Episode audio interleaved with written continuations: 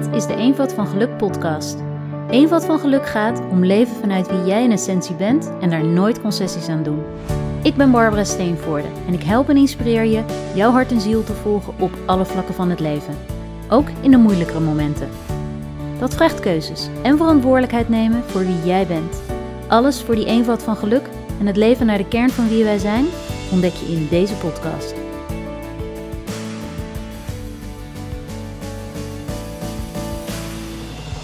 Aflevering die je nu beluistert gaat over eenvoud van geluk voor en met onze kinderen. Nieuwe generaties laten op allerlei manieren zien dat zij hun waarheid willen leven en andere keuzes maken dan wij tot nu toe gewend waren. Een prachtige uitnodiging voor ons als volwassenen om bedding en ruimte te scheppen voor de kinderen van deze nieuwe tijd. Dat vraagt om opvoeden en begeleiden vanuit de essentie van wie jij bent en over het koesteren en behouden van de essentie van een kind. Hoe je dat doet, dat deel ik hier. Luister maar.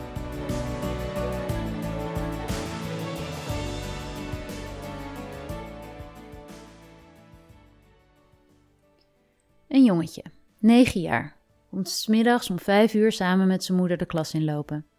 Juf is er al en zit achter haar bureau met een grote map voor zich. Jongetje en zijn moeder nemen plaats tegenover de juf. Juf kijkt moeder aan en zegt: Welkom. Juf kijkt het jongetje aan en duwt een formulier met testresultaten onder zijn neus. Wat vind je hiervan? vraagt juf streng. jongetje kijkt naar het formulier en terwijl hij ernaar blijft kijken, zegt hij: Ik vind er niet zoveel van.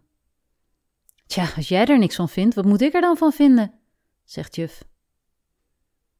Weet ik niet, zegt het jongetje. Het is even stil en juf gaat achterover zitten met haar armen over elkaar. Tja, als jij het niet belangrijk vindt, dan wordt het wel heel lastig. Maar ik vind het ook niet belangrijk, zegt het jongetje. Zo, nou, dus jij wil niets leren? Ja, dat wel. Nou, daar lijkt het anders niet op. En dat is het moment waarop het jongetje zijn stoel achterover gooit en de school uitrent. Als een moeder tien minuten later de school uitkomt, vindt ze hem met zijn hoofd tussen zijn knieën achter het wiel van de auto verstopt. Ze rijden samen naar huis. Dit is een verhaal dat niet uniek is. Het is een waar gebeurd verhaal en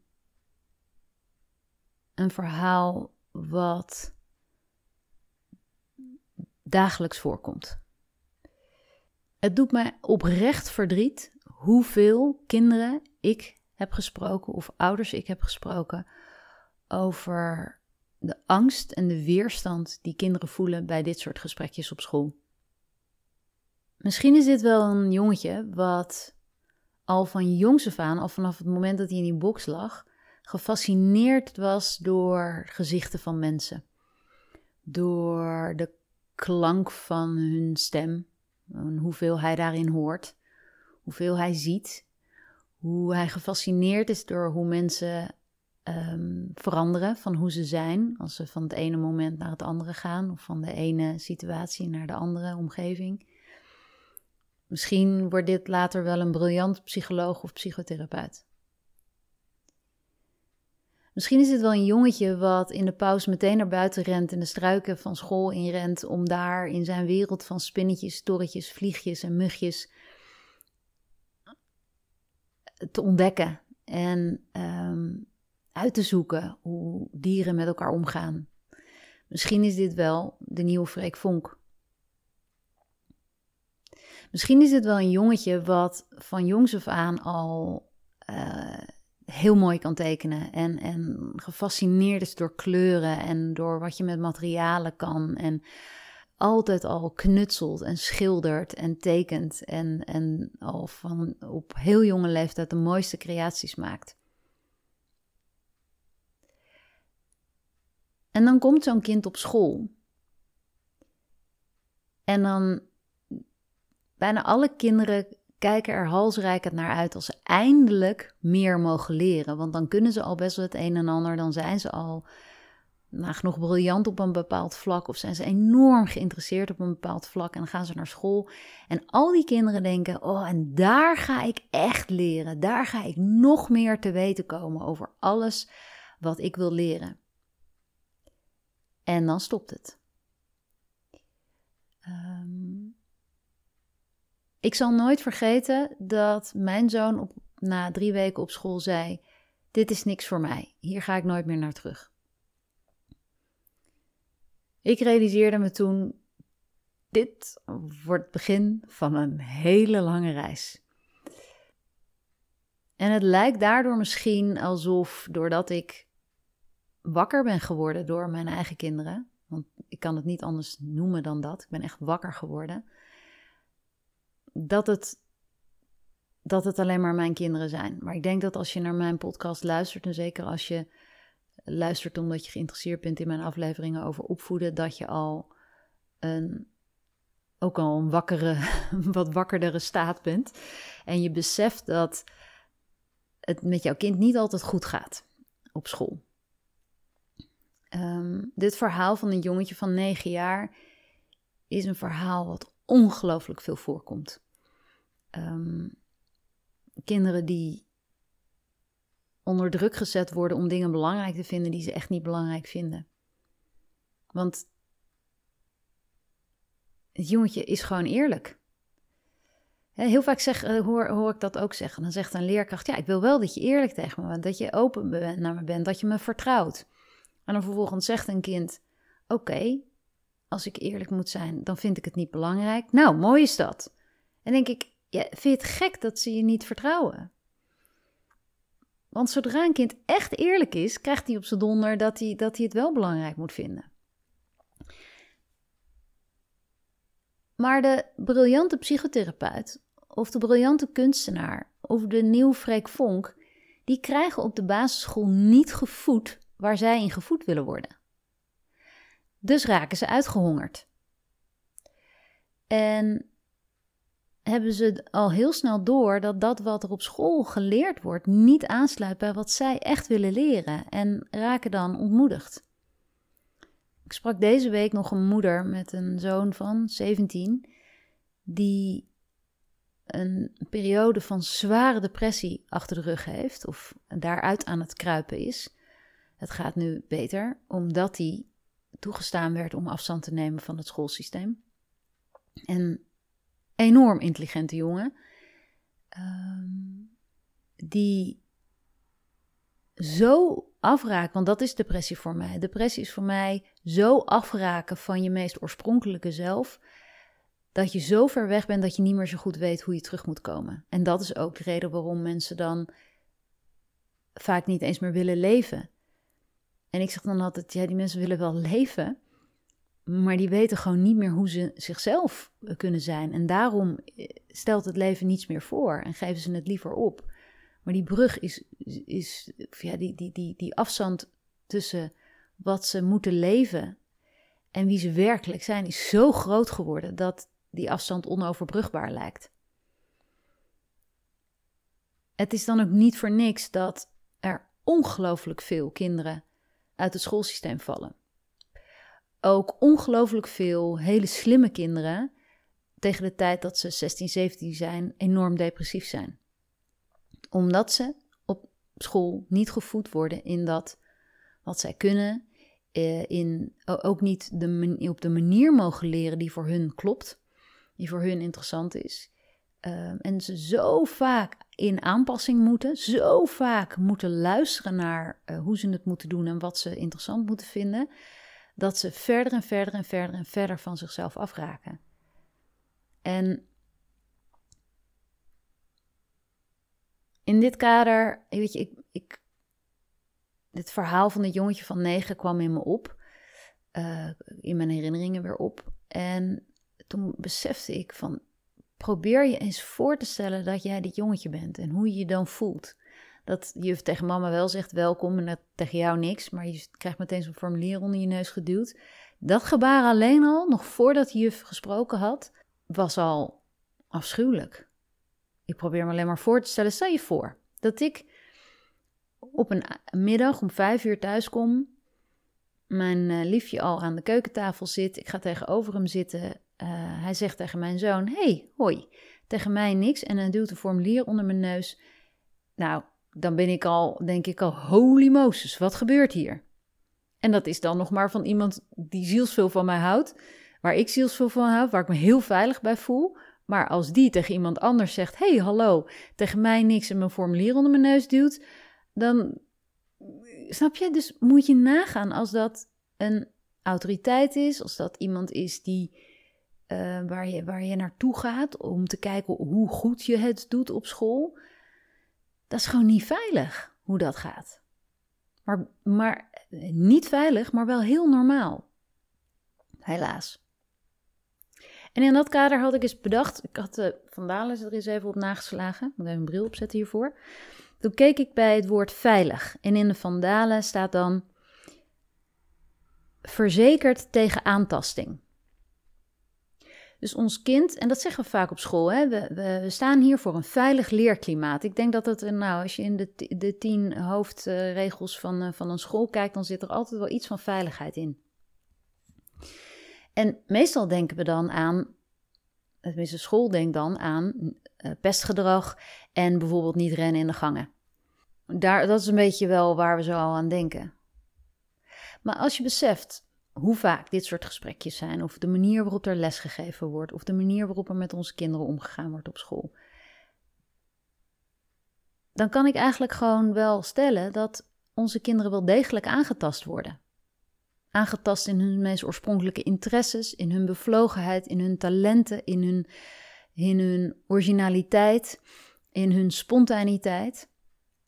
Dus als je beseft, weer terug, als je mijn eerste podcast hebt geluisterd naar dat we dit levenspad beginnen vanuit een pure essentie en helemaal open en vrij en, en oorspronkelijk in, deze, in dit leven stappen en we dan vervolgens ervaringen opdoen waarom, waardoor we ons gaan aanpassen en beschermen, dan besef je dus dat school een enorm grote factor is in de mate waarin onze kinderen zich gaan aanpassen aan de omgeving en steeds verder weg raken van hun oorsprong, van wie ze werkelijk zijn. En dat vind ik aantasting. Dus ik ga een hele boute uitspraak doen. Ik denk dat in het reguliere schoolsysteem geen één school veilig is voor onze kinderen. Geen één. Want op elke school wordt op deze manier met onze kinderen gesproken. Lang niet door elke leerkracht, maar wel door velen. Het is al heel lang heel normaal geworden om op een bepaalde manier met onze kinderen om te gaan. Om ze aan testen um, bloot te stellen die niet zeggen over de talenten van onze kinderen en al helemaal niet over de ontwikkeling van onze kinderen, de mate waarin onze kinderen zich optimaal kunnen ontwikkelen en kunnen groeien. En ik vind dus dat daar onze kinderen echt onveilig zijn. Ik keek ook even bij veiligheid. Daar staat inrichting waardoor iets wordt gevrijwaard tegen schade of verlies. Onze kinderen zijn niet gevrijwaard tegen verlies. Ze verliezen zichzelf. Ze verliezen hun talent, ze verliezen hun interesse, ze verliezen hun bevlogenheid, hun nieuwsgierigheid. Dus ook dat is geen veiligheid.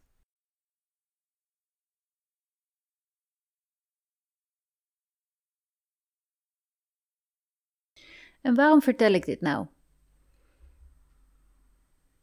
Terwijl ik namelijk begon gewoon met het verhaal van het jongetje van negen en dat ik besefte hoe erg dat niet klopt en hoe verdrietig ik het vind om te horen van die jongen van 17 hoe slecht het met zo'n jongen gaat, dan denk ik natuurlijk een, een, een simpele uh, dit moet anders. Maar hoe dan anders? Hè? Afgelopen maanden heb ik van zoveel mensen de vraag gekregen: kan jij niet een school beginnen? En dan denk ik: uh, nee, ik geloof niet dat ik daarvoor op aarde ben. Ik geloof dat ik het oprecht goed zou kunnen. Dus de verleiding ligt op de loer. Zeg nooit nooit. Maar ten eerste weet ik dat er meerdere mensen zijn die al hele mooie initiatieven um, zijn gestart. En die daar heel succesvol uh, in zijn. En ook ongelooflijk veel werk in hebben zitten. Dus een en al respect daarvoor. Uh, maar ik geloof dat mijn taak op een ander vlak ligt. Ja, ik voel misschien wel goed aan wat er anders mag aan het schoolsysteem. En ik ben er alleen niet voor om tegen het schoolsysteem aan te trappen als zodanig. Ik wil alleen maar mijn talent volgen. Uh, en dat wat ik heb meegekregen als, als kwaliteiten, om daar iets mee te doen in deze wereld. Uh, ik geloof dat ik heel goed in staat zou zijn een school neer te zetten. Ik zou het kunnen. Ik zou uh, de concentratie hebben, de volharding hebben, de politieke diplomatiek. Ik zou, ik zou kunnen doorbeuken. Ik zou, kunnen, um, ik zou mensen om me heen kunnen verzamelen. Um,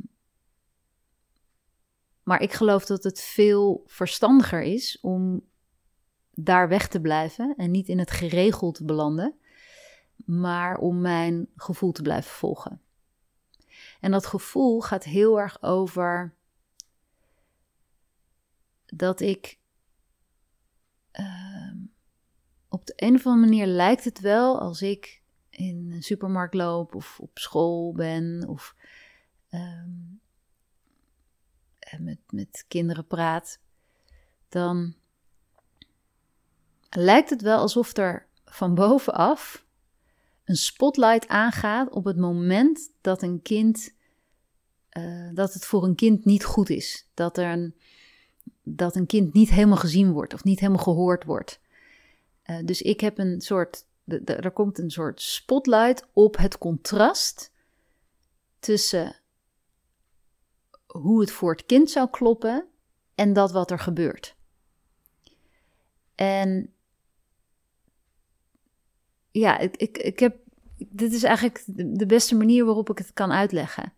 Het is echt alsof er een lamp aangaat en, en ik de enige ben die het op dat moment heel helder ziet of zo. En dat is dan misschien veel meer het talent wat ik zou willen volgen. Dat ik wil blijven benoemen waar er contrast zit tussen hoe we met onze kinderen zouden moeten omgaan, mogen omgaan, en dat wat er werkelijk gebeurt. En het is dus niet een doel op zich voor mij om het huidige schoolsysteem uh, omver te gooien. Wat ik wel wil, is dat ik ouders die nu nog heel erg worstelen met: ja, maar jeetje, mijn kind moet wel gewoon naar school. Ja, ik zie wel dat het mijn kind niet altijd goed doet. En ik zie wel hoe erg mijn kind zich moet aanpassen. Uh, maar ja, weet je, ik wil toch dat het een diploma heeft, een goede opleiding. En uh, ja, straks dan de toekomst dan. Dat, dat, dat is heel lastig navigeren. En ik begrijp dat ook, want ik, en ik ken het ook. Ik denk dat ik dit soort verhalen wil blijven delen, zodat je bewust wordt dat je het echt heel serieus mag nemen als jouw kind zich te veel moet aanpassen. Dat je je bewust bent van de gevolgen daarvan. He, dus want je, maakt je heel druk soms over de toekomst. Hè? Van wat nou als hij geen uh, diploma heeft, ja, dan later. Maar wat als die later betekent dat jouw kind dat doet met een depressie op zak? dus, dus wat als dat betekent dat jouw kind als het ware verdoofd uit dat schoolsysteem komt en eigenlijk een heel groot stuk van zijn eigenheid verloren is, of in elk geval kwijt is. En, en is dat het later dan wat je wil? Of wil je een later wat past bij je kind? En uh, ik ben tot nu toe nou ja, op, op de podcast over de waterpistooltjes na dan best heel voorzichtig geweest, denk ik. In dat ik um, het duidelijk wil maken door mensen te helpen met, nou, zo kan je met je kind praten of zo zou je je kind kunnen opvoeden of dit helpt. Of uh, ook heel veel van, uh, hè, van geluk met opvoeden programma gaat heel erg over het gedrag van je kind begrijpen en kijken wat daar nou achter ligt. Maar daarmee probeer ik eigenlijk uh, hooguit wat, wat inzicht te geven in wat je kind nodig heeft. En dan komt vanzelf dat contrast wel helder naar voren. Maar ik denk dat het ook belangrijk is dat ik steeds meer ga helpen inzien dat dat wat wij op dit moment nog zo normaal vinden met z'n allen, dat dat misschien niet meer normaal gevonden hoeft te worden. En daarin kan het soms misschien voelen alsof ik eh, heel rebellious uh, tegen alle dingen aan ga trappen. Dat is niet wat ik wil. ik hoop eigenlijk dat door dit soort verhalen te delen er ook leerkrachten luisteren die zich bewust zijn van jeetje, oh my god, dat doe ik ook. En eigenlijk, dit klopt inderdaad helemaal niet. Waarom praat ik zo? Waarom doe ik dit? Eh, ik heb ook nagedacht over een school. Ik heb al veel vaker ehm, gedacht, is, is, is dat een weg? Maar er zijn al hele dappere andere mensen die dat gedaan hebben met heel veel effort. Dus nog zo eentje uh, de markt op. Ik geloof niet dat dat het antwoord is. Ik geloof dat ik veel meer op een ander vlak een rol heb. Dat, dat, misschien, dat ik misschien met mijn verhalen en met mijn ervaringen of met, met, um, nou ja, met alles wat ik daarover deel en zie en weet, um, dat ik indirect misschien die nieuwe scholen vol krijg. Uh, zodat er steeds meer mensen uh, beseffen, nou, dit, ik gun mijn kind iets anders. Nog veel liever zou ik willen dat, en dat is echt de weg waar ik in geloof, dat we de huidige instituten, de scholen die er nu zijn, wel blijven gebruiken, maar dat we als ouders, maar ook als leerkrachten, steeds vaker zeggen: Dit is niet meer mijn manier.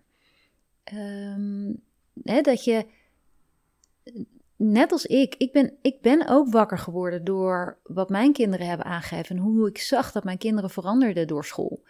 Um, en dat ik ik ben blij dat ik daar wakker over ben geworden. Want daardoor kon ik ze al heel snel, van jonge, eh, op jonge leeftijd al, helpen met uh, wel zichzelf blijven in zo'n systeem. En dat, is, dat blijft altijd lastig, maar uh, ik geef ze ook heel veel ruimte om in hun vrije tijd dan in elk geval te kunnen aanvullen wat ze op school missen. Um, dus dat is eigenlijk waar ik steeds meer het het licht voor jou als luisteraar uh, of als volger op wil zetten. Van die lamp die ik een soort intuïtief zie en voel tussen dat contrast, of op dat contrast, dat ik die met je deel en dat jij ook het licht erop gaat zetten. En dat we ook de lamp aan gaan zetten in al die scholen. Dat, dat we heel erg vanuit rust en op een prettige manier met een leerkracht um, bespreken van goh ja, dit is voor mij niet de manier waarop ik het prettig zou vinden dat er met mijn kind gesproken wordt. Ik denk dat we ons, mijn kind veel meer bereiken als we, nou, uh, vragen wat hij wil of wat hem interesseert. Of hoe we kunnen zorgen dat hij misschien wel, ja, um, dat hij gewoon lekker in zijn vel zit. Wat, wat is daar dan voor nodig? En dat kunnen hele simpele dingen zijn. Ik ga, ja, eigenlijk kort samengevat, ik ga het niet meer met een omweg doen. Ik ga het niet meer met een omweg doen via uh, opvoeden of via uh, alleen maar via het gedrag van je kind. En kijken of, of we jouw kind kunnen helpen. Nee, het gaat er ook om dat we radicaal weigeren bepaalde dingen nog oké te vinden. Want je kunt eindeloos um, hopen dat je kind met de juiste begeleiding van jou of van een therapeut, dat je kind er bovenop komt. Maar als het constant bloot wordt gesteld aan dezelfde invloeden, dan, dan is het wijlen met de kraan open. Dat heeft, dat heeft totaal geen zin. Deze aflevering gaat daarin denk ik vooral over uh, delen wat mijn voornemen is om daarin nog opener en eerlijker te zijn en de handrem eraf te halen. Ik, ik heb echt de afgelopen jaren voortdurend vanuit compassie voor het harde werken van leerkrachten en, en compassie voor ouders die het al zwaar hebben en heel veel liefde voor de kinderen die ik voorbij zie komen, heb ik geprobeerd te helpen. Um, maar zoals een vriendin deze week zei, en dat was ook weer zo verhelderend, die zei: Bar, je bent geen hulpverlener. Jij hebt een missie. En jij hebt een visie. Jij ziet dingen. Jij weet dingen. Je bent geen hulpverlener. Stop daarmee. Uh, toen dacht ik: Oh, dit is zo waar. En zo bevrijdend ook. Want ja, ik help wel. Ik ben er. Ik ben er als je, als je uh, helderheid zoekt. Ik ben er als je wil weten hoe kan ik dit doen? Hoe kan ik beter naar mijn kind luisteren? En hoe kan ik beter naar mijn onderbuikgevoel luisteren? En hoe kan ik Oh, help me met de moed om, om te gaan handelen naar wat ik weet. ja, laat ik daar dan in elk geval zelf nog meer gas achter zetten. Want ik dacht dat ik dat al deed. Maar dan zijn er altijd weer onderwerpen waar je nog niet de moed had om te handelen naar wat je weet. En ik ga die spotlight op dat contrast tussen hoe, hoe het voor een kind gaat nu en tussen hoe, we, hoe het goed zou zijn voor een kind, die ga ik steeds meer met je delen. En ja, dat betekent dat ik heel veel ga delen over het schoolsysteem, maar dat is niet het enige. Uh, het gaat ook over hoe we uh, als huisarts met een kind omgaan. Het gaat ook over hoe we als ouders met kinderen omgaan, hoe we als grootouders met kinderen omgaan, hoe we uh, onze maatschappij inrichten. Um, het, het is veel breder dan dat. Belangrijk is in elk geval daarin, voor mij centraal, uh, goed opgevoed door Charlotte Vis, die ik uh, natuurlijk in een van mijn eerdere podcasts uh, heb, um, heb geïnterviewd, dat we het kind centraal zetten. En niet als een soort curlingouders en niet als een soort, om, om er een soort narcistjes van te maken, maar wel dat je um, kijkt als we met nou, opvoeden bezig zijn of met een kind helpen ontwikkelen, dat we wel het kind ontwikkelen. Want nou, als ik dan even terugga naar het verhaal van het jongetje hè, van negen, wat met Just zit te praten. Um, en al die andere kinderen die zo worstelen met dit soort gesprekjes en, en die het niet leuk hebben op school, die niet meer naar school willen. Ja, voor wie is die school nu eigenlijk? We denken als we als ouders dat als we ons kind naar school sturen, dat school bezig is met de ontwikkeling van ons kind.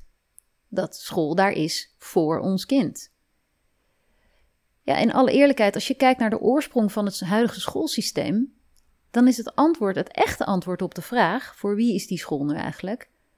Dan is het antwoord op die vraag voor het bedrijfsleven. Want het huidige schoolsysteem is um, ontwikkeld en ook uh, gefund door het bedrijfsleven uh, ten tijde van de industrialisatie om te zorgen dat er in hele korte tijd heel veel mensen klaargestoomd werden om in de fabrieken te kunnen werken. En uh, dat verschilde van mensen die aan de lopende band werkten tot mensen die leiding gaven aan, mensen aan de lopende band. Maar al die mensen in dat, al die kinderen in, dat, uh, in het begin van het schoolsysteem werden niet opgeleid om zelf te gaan denken en de baas te gaan zijn van die fabrieken. Terwijl jij denkt, ik ga naar school uh, om een gesprek over de ontwikkeling van mijn kind te hebben, gaat er eigenlijk, als je kijkt naar alle CITO-toetsresultaten, de testresultaten die dit jongetje onder zijn neus krijgt, die zijn, niet, die zijn niet goed voor de juf, die zijn niet goed voor het kind, die zijn zelfs niet goed voor de school. En die zijn goed om te checken of wij in een rap tempo mensen uh, laten ontwikkelen tot uh, capabele mensen die geschikt zijn voor het bedrijfsleven. Maar ja, dat kind wat de struiken induikt om uh, spinnetjes en vliegjes en torretjes te gaan onderzoeken, ja, die, die wordt niet heel gelukkig als manager van een, een ploeg aan de lopende band. Ik zeg het even gechargeerd, want hoeveel lopende banden hebben we nog met mensen eraan, maar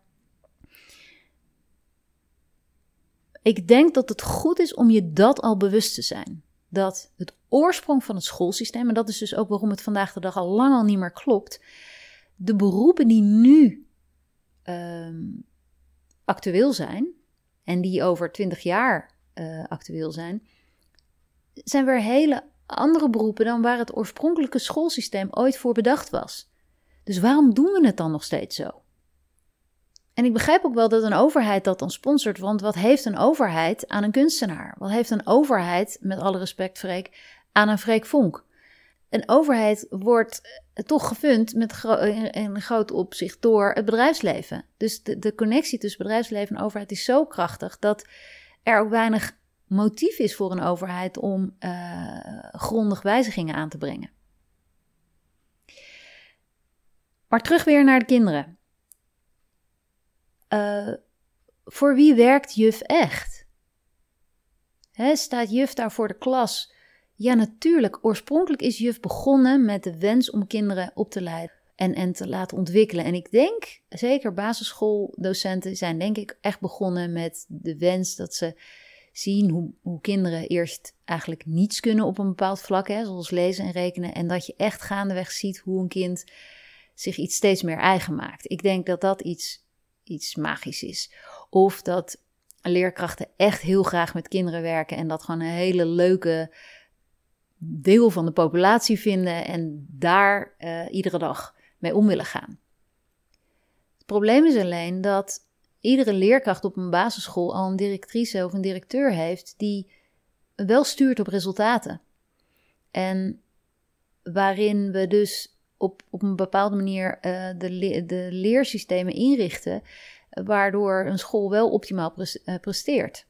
En ook geloof ik weer dat een directeur van een school ook de beste intenties heeft, maar die wordt ook wel weer gestuurd door een hoger orgaan. En uiteindelijk worden al die scholen wel verplicht om met die CITO-toetsen te werken. En ja, denk ik van, goh, als je nou echt je hart volgt, echt volgt wat het allerbeste is voor kinderen, zouden we het dan niet op een hele andere manier doen? En dan weer terug naar het kind. Voor wie doe jij het?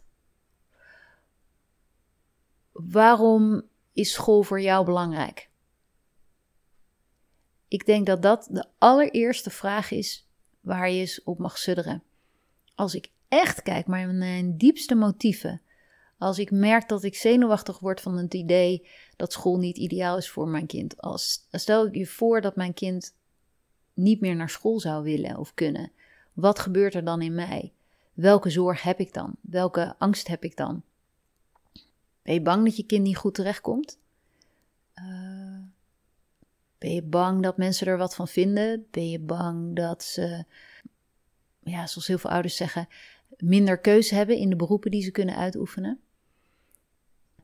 Als het het belangrijkste is dat je kind goed terechtkomt, dat het goed met jouw kind gaat, neem dan ook serieus dat dat wat jij de weg vindt naar dat goed terechtkomen, dat dat misschien wel juist hetgene is de reden wordt dat je kind niet goed terecht gaat komen.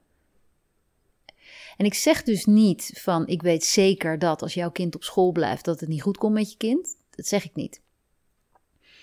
Maar wat ik, waar ik je wel toe wil uitnodigen is dat je open staat voor de mogelijkheid dat het huidige schoolsysteem niet de garantie is, de beste weg is om jouw kind te laten floreren tegen de tijd dat hij 25, 30 is gun jezelf, maar vooral je kind, dat je die twee dingen doet. Hè? Eén, check je eigen motief, je, je, je angsten, je zorgen als jouw kind niet meer naar school zou gaan. Wat is dan waar je bang voor bent? En kun je ervoor openstaan voor de gedachte dat jij als supporter van jouw kind alles doet om jouw kind optimaal te laten ontwikkelen. En stel je voor dat jij die beste coach, supporter, whatever bent, het supportteam bent van jouw kind, hè? want dat ben je als ouder. En dat je echt zegt: ja, ik doe alles wat ik kan om te zorgen dat mijn kind het beste uit zichzelf haalt en ook echt zichzelf is en houdt van zichzelf, houdt van wie die is, zelfverzekerd is, vertrouwt op zijn eigen kunnen, vertrouwt op zijn eigen mening. Als, dat is eigenlijk wat de meeste ouders willen. Oké, als jij daarvan het supportteam bent en alles uit de kast haalt om dat voor elkaar te krijgen, kun je er dan voor openstaan dat school misschien, maar misschien ook niet, een bijdrage kan leveren daaraan? En kan je ervoor openstaan dat er naast school of in plaats van school andere manieren zijn om jouw kind zich optimaal te laten ontwikkelen. De keuzes die je daarin maakt zijn voor ieder mens verschillend. Ik zie uh, een hele mooie beweging op gang komen uh, vanuit Amerika en de UK, die unschooling heet. En die gaat eigenlijk niet zozeer over je kind niet meer naar school, maar gaat eigenlijk in de kern over dit wat ik nu deel. Dat school niet het enige middel is om je kind zich te laten ontwikkelen tot het mens wat hij wil zijn.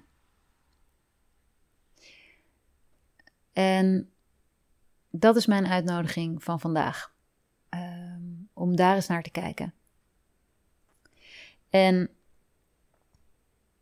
nou, en om dat dan misschien nog een beetje kracht bij te zetten. Weet je, ik denk wel eens, stel je voor, Picasso. Hè? Picasso heeft het behoorlijk goed gedaan op zijn vlak. En stel je voor dat je Picasso ziet als negenjarig jongetje die met zijn moeder tegenover de juf zit. En juf stuurt of duwt dat formulier met testresultaten onder zijn neus. Dus stel je voor je zit naar een film over het leven van Picasso te kijken en je, en je ziet die juf dat doen. Dan zit je nou al naar die film te kijken van haha, dit is het levensverhaal van Picasso. Die testresultaten die doen er echt totaal niet toe. Dus je weet eigenlijk al dat de rest van de film, uh, in, in de rest van de film bewezen wordt dat juf uh, zich echt druk zat te maken om dingen die er niet toe deden, want met Picasso zou het wel goed komen. Stel je hetzelfde nou eens voor van Beyoncé. Weet jij of Beyoncé het een beetje lekker deed op school? Was zij een problem child? Was zij, uh, uh, had ze ADHD? Um, was ze alleen maar aan het dansen? Um, was ze zo'n irritant kind wat alleen maar aan het zingen was in de klas. Wat ook de hele tijd uitgestuurd werd. Waar de moeder dan op school moest komen voor moeilijke gesprekjes. Want uw dochter is zo bewegelijk en uh, ja, zo luidruchtig. Ik bedoel, als daar een film over zijn. Als je daar het levensverhaal van uh, Beyoncé verfilmd zou worden. En je ziet dat stukje, hoe zij op de basisschool is. En dan ook moeilijke gesprekjes heeft met de juf. Dan zou je ook met een glimlach zitten kijken en denken, nou juf, met Beyoncé komt het wel goed. Stel je nou voor dat jouw kind op welk vlak van expertise dan ook, een Picasso, een Beyoncé, een Nelson Mandela, een, een uh, Einstein is. En, en het, hoeven niet allemaal hoogbegaafde uh, mensen te zijn. Maar stel je voor, want daar geloof ik echt in. Zo ga ik, eh, praat ik ook met jouw kind als ik met je kind zou praten. Stel je voor dat jouw kind een talent in zich heeft waarmee hij zo succesvol zou kunnen zijn als Picasso of Beyoncé. En stel je nou voor dan dat de juf over een paar weken een formuliertje met testresultaten onder zijn neus duwt. En die zijn niet helemaal fantastisch. Kun je dan in dat moment wat meer ontspannen en denken: Hé hey juf, weet jij veel? Misschien heb ik hier wel de nieuwe Einstein zitten, of de nieuwe Picasso, of de. Al is er maar een klein deurtje open gegaan naar de mogelijkheid dat het helemaal anders loopt dan hoe het schoolsysteem voor jouw kind bedacht heeft. Maak je niet druk. Ontspan. Waar het om gaat is dat het echte talent van jouw kind al vanaf het allereerste begin er was. En dat talent zich het beste ontvouwt en ontwikkelt en groeit als jouw kind de ruimte krijgt om daarnaar te handelen en zijn interesses te volgen. En zolang jouw kind nog op school zit, is dat een uitnodiging om vooral op alle andere vlakken hem, hem of haar de ruimte te geven om lekker te doen waar hij zin in heeft. En als je ziet dat je kind verdoofd uit op een telefoon of uh, iPad zit, weet dan dat je kind eigenlijk overdag al genoeg verdoofd wordt. Dus haal dat apparaat weg. Um, je kind zakt alleen maar verder af en terug, uh, omdat het gewoon een groot gemis voelt, onbewust, om weer te handelen naar interesses en talenten. Dus wat we kunnen doen als ouders is te zorgen dat er genoeg ruimte is en genoeg inspiratie is en genoeg met onze kinderen ondernemen om te zorgen dat onze kinderen aanblijven, zoals ik dat maar zeg. Nee, mijn kinderen hadden ook niet altijd zin om naar een museum te gaan, maar ik ging gewoon. En ik bedacht gewoon ideeën om.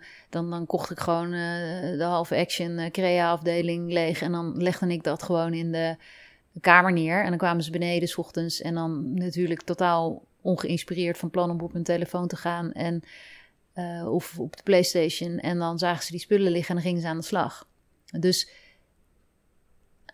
ik vind het altijd makkelijk om te zeggen van mijn kind wil niks. Je kind wil van alles. Alleen neem het je kind niet kwalijk dat het, omdat het van jou en van de overheid naar school moet, dat het even niet zo goed weet meer waar zijn interesses en inspiratie liggen. Help je kind daar naar terug en kijk wat er gebeurt. Als jouw kind de ruimte krijgt om zich te mogen ontwikkelen naar zijn eigen interesses en inspiratie, dan gaat er helemaal niks mis. Dan komt het helemaal goed. En ehm, ik blijf je inspireren om op een andere manier te kijken. Ik blijf de spotlight erop zetten tussen hoe het is en hoe het mag. En ehm, nou, tot de volgende aflevering. Dag. Wat fijn dat je deze aflevering geluisterd hebt. Ik hoop dat je erdoor geïnspireerd bent geraakt om nog meer te gaan leven naar jouw essentie, om vervolgens alles op je pad te krijgen wat daarbij past. Ben je nu toe aan meer geluk en wil je dat ik je meeneem in mijn plannen en inspiratie? Dan kun je mij vinden via mijn website www.barbarasteenvoorde.com en op Instagram, Facebook of LinkedIn. Om alle Eenvoud van Geluk afleveringen te blijven volgen, klik je in je podcast-app op de drie puntjes bovenaan je scherm en dan op volgen.